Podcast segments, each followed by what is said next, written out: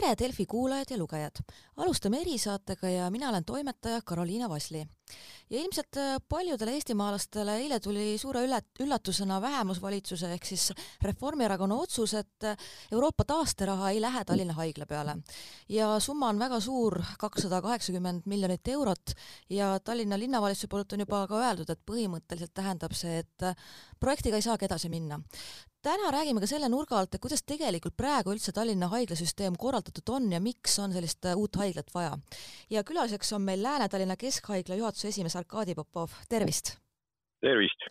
alustuseks ma küsiks, et äh, kas see uudis, uudis tuli tõesti väga suure üllatusena või oli kuskil ka haiglaringkondades näiteks räägitud, et võimalik, et äh, ei tulegi seda rahastust ja et see projekt jääb toppama? no tõepoolest, see oli uudis, väga ebameeldiv uudis meie jaoks et äh, meie muidugi arvestasime sellega, et äh, riik äh, noh, võib öelda mingil hetkel, et ta nagu üldse ei osale selles projektis. ja, ja see tähendaks seda, et Tallinna linn oleks pidanud leidma umbes sada viiskümmend miljonit täiendavalt sellele finantseerimisele, mida Tallinna linn juba planeeris või isegi võib-olla rohkem. kuna me teame, et kõik läheb kallimaks ja ehitustööd lähevad kallimaks, aga see, et äh, riik äh, ütleb üles ka sellele rahale, mida pakub Euroopa Liit, noh, meie jaoks oli see absoluutselt ootamatu. et see tähendaks seda, et kui me nüüd täna tahame midagi ehitada, no kas linn ja kaks linnahaiglat, siis no tõesti umbes üks miljard eurot või natukene vähem on seda raha vaja leida et äh, ma tõesti äh, kahtlen selles, et see on väga lihtne. Äh, nii et tänaseks meie jaoks on see šokk, mida me elame praegu veel üle ja eks vajab veel natukene kohenemist räägiks ka seda, et üldse, miks seda ka haiglat vaja on, et siin eile käis ka natukene seal just saanud Reformierakonna suu läbi ka see, et kas võimalik dubleerimine, meil on ju haiglad olemas, aga miks praegune süsteem ikkagi ei ole siis teie hinnangul jätkusuutlik? No kõigepealt, äh, mida me mõtleme dubleerimise all, et äh, kui me räägime sellest, et äh, patsient näiteks südamepuudulikkusega, kodade viirushärütmiaga, kopsupõletikuga, uurinfektsiooniga, kirurgilise probleemiga vajab meditsiinilist abi, siis seda abi pakutakse praegu kõigest kolmes Tallinna haiglas, nii Ida-Tallinna, Lääne-Tallinna keskhaiglates kui ka regionaalhaiglas kiirabid äh, tulevad äh, äh, igasse haiglasse erakorralise meditsiini osakonda ja neid haigeid teenindatakse, diagnostiline võimekus on tagatud ja, ja nii edasi, nii edasi, intensiivravi, kirurgiline ravi. nii et seda kõike Eesti patsient ja Tallinna patsient, Põhja-Eesti patsient vajab. ja me ei saa täna rääkida sellest, et noh, kõik on kuidagi dubleeritud, see on täiesti kunstlik teema praegu siin Äh, ja me räägime sünnitusabist, günekoloogilisest abist äh, ja nii edasi. nii et äh, need asjad, mis olid integreeritud sinna Tallinna haiglasse, on, noh, olid paika pandud funktsionaalse arengukava kirjutamisel, olid heaks kiidetud Sotsiaalministeeriumi poolt omal ajal, läbi vaieldud ja, ja siin mingisugust kunstlikku dubleerimist ei olnud absoluutselt ette näha. et see minu jaoks see teema on täiesti võõras praegu nii et äh, mina seda ei pooldaks. aga mis puudutab äh, küsimust, miks äh, seda sellist haiglat on vaja, siis ma ütlen, et need haiglad, kus me praegu töötame, see on võtmeküsimus praegu. Lääne-Tallinna Keskhaigla hoone või hooned pigem, hoonete kompleks, räägime meremeeste korpusest, me räägime nakkuskliinikust, Helgulinna sünnitusmajast. Need on kõik amortiseerunud vanad hooned sarnane olukord on ka Ida-Tallinna Keskhaiglal, kus on tegemist vana hoonega Ravi kaheksateist ja, ja ka Järvel. Need, need kõike uuendatakse, aga noh, igal asjal on omad piirid. kui hoone on viiskümmend aastat vana, kui ta oli projekteeritud veel nõukogude ajal, projekteeritud nii, et ei olnud arvestatud kaasaegse ventilatsiooni lahendusega, jahutusega, kondentsaneerimisega ja nii edasi, nii edasi, siis noh, need tingimused patsientide jaoks, nende ravi jaoks, ka töökeskkond töötajate jaoks ei vasta absoluutselt enam kaasaegsetele nõuetele. Ja, ja sellega me puutume kokku iga päev, et kui me praegu räägime sellest, et meil on palav noh, kusagil kodus suvilas pluss kolmkümmend kraadi, natukene ebamugav ja tahaks, et oleks jäädam. kujutage ette, et palatis, kus korraga viibib neli-viis patsienti, aga see on meie karm reaalsus täna, siis seal on tõesti temperatuur kolmkümmend, kolmkümmend üks kraadi sees.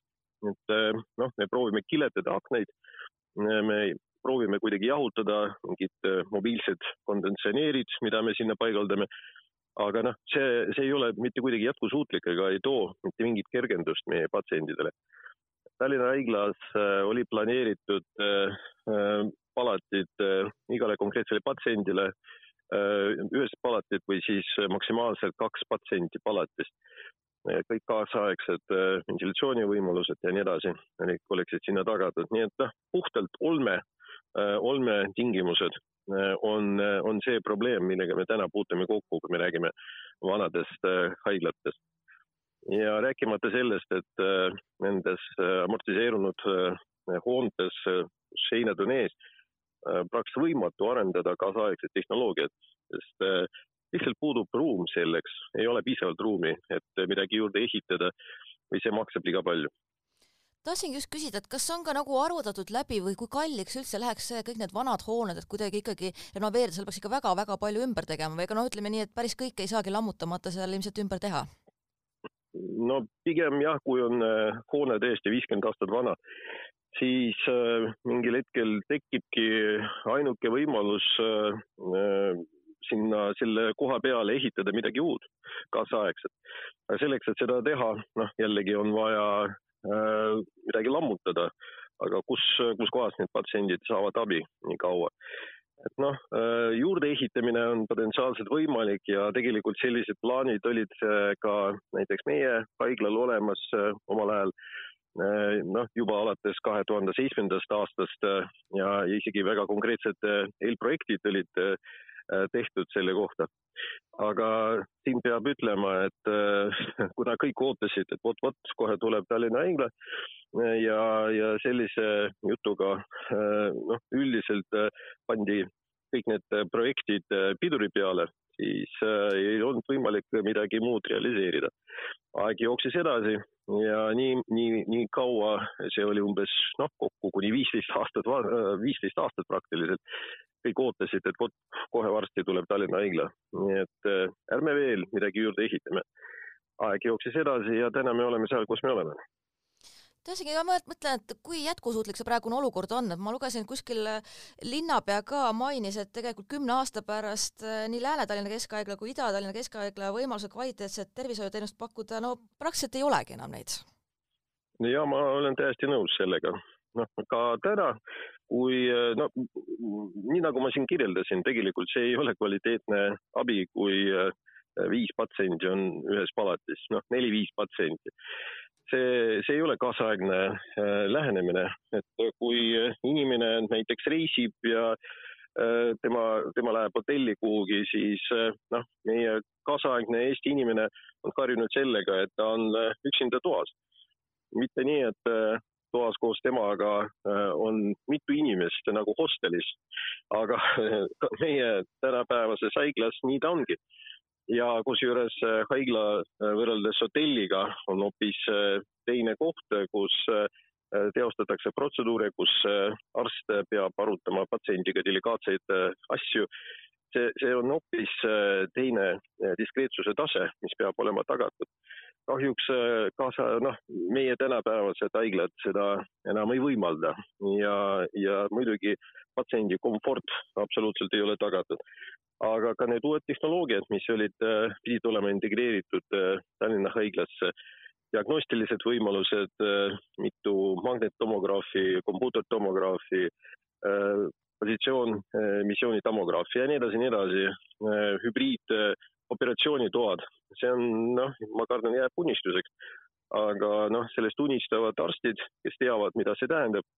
patsient võib-olla täna ei oska seda hinnata, seda ei tule, noh, mis siis saab. aga tegelikult see on kõik äh, äh, meditsiinilise abi kvaliteet, mida patsient ei saa, peab leppima noh, sellise käsise äh, ravi tulemusega ja diagnostilise võimekusega küsiks ka, et mis saab edasi, kas eile võib-olla oli juba ka kuidagi seal linnajuhtide või ka seal ütleme ka Ida-Tallinna Keskhaigla juhtidega nagu juttu, et kuidas koos maha istuda, arutada, et mis siis, mis siis üldse edasi saab? ma usun, et äh, sellised kohtumised toimuvad ja arutelud toimuvad. Äh, täna alles äh, noh, esimene selline šokk, mida, mida me praegu kogeme. Ja, ja eks ees on arutelud, igal juhul meie hetkel praegu, noh, meie, ma mõtlen sihtasutus Tallinna Haigla Arendus, linnavalitsus, ka kaks haiglat Äh, meie ei istu niisama, et meie otsustasime, et me jätkame praegu eelprojekteerimise protsessiga ja noh, meil on leping äh, sõlmitud, noh, ma mõtlen mitte meie haiglatel, aga äh, linnal on leping sõlmitud projekteerimisfirmaga ja, ja see töö käib edasi.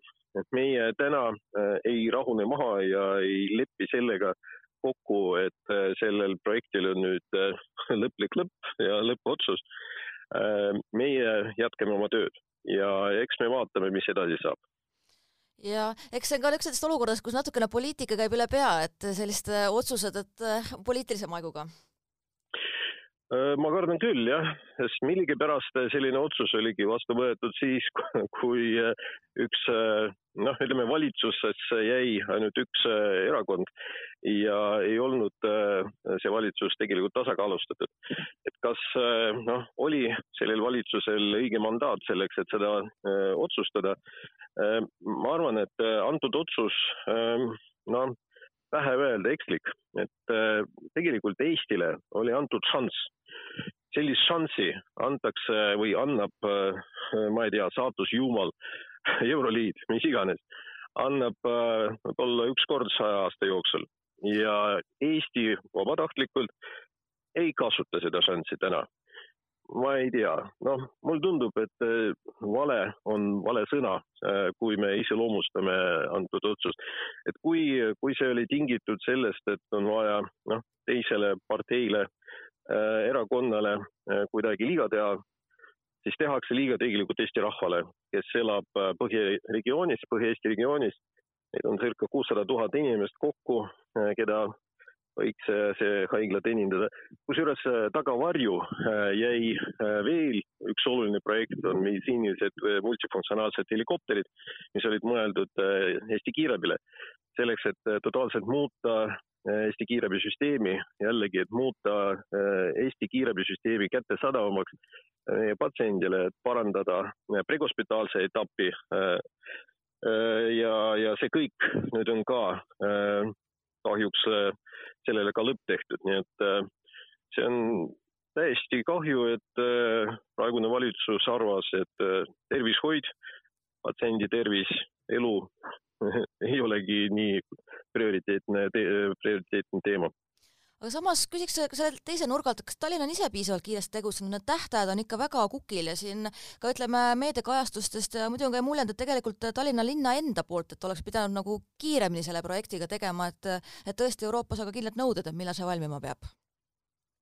no järjekordselt jah, igaüks, kes eh, midagi sellist võtab ette, peab äh, leidma, äh, saada põhjendusi ja veel oleks parem, kui saaks põhjendada seda niimoodi, et äh, vastaspartner on süüdi milleski.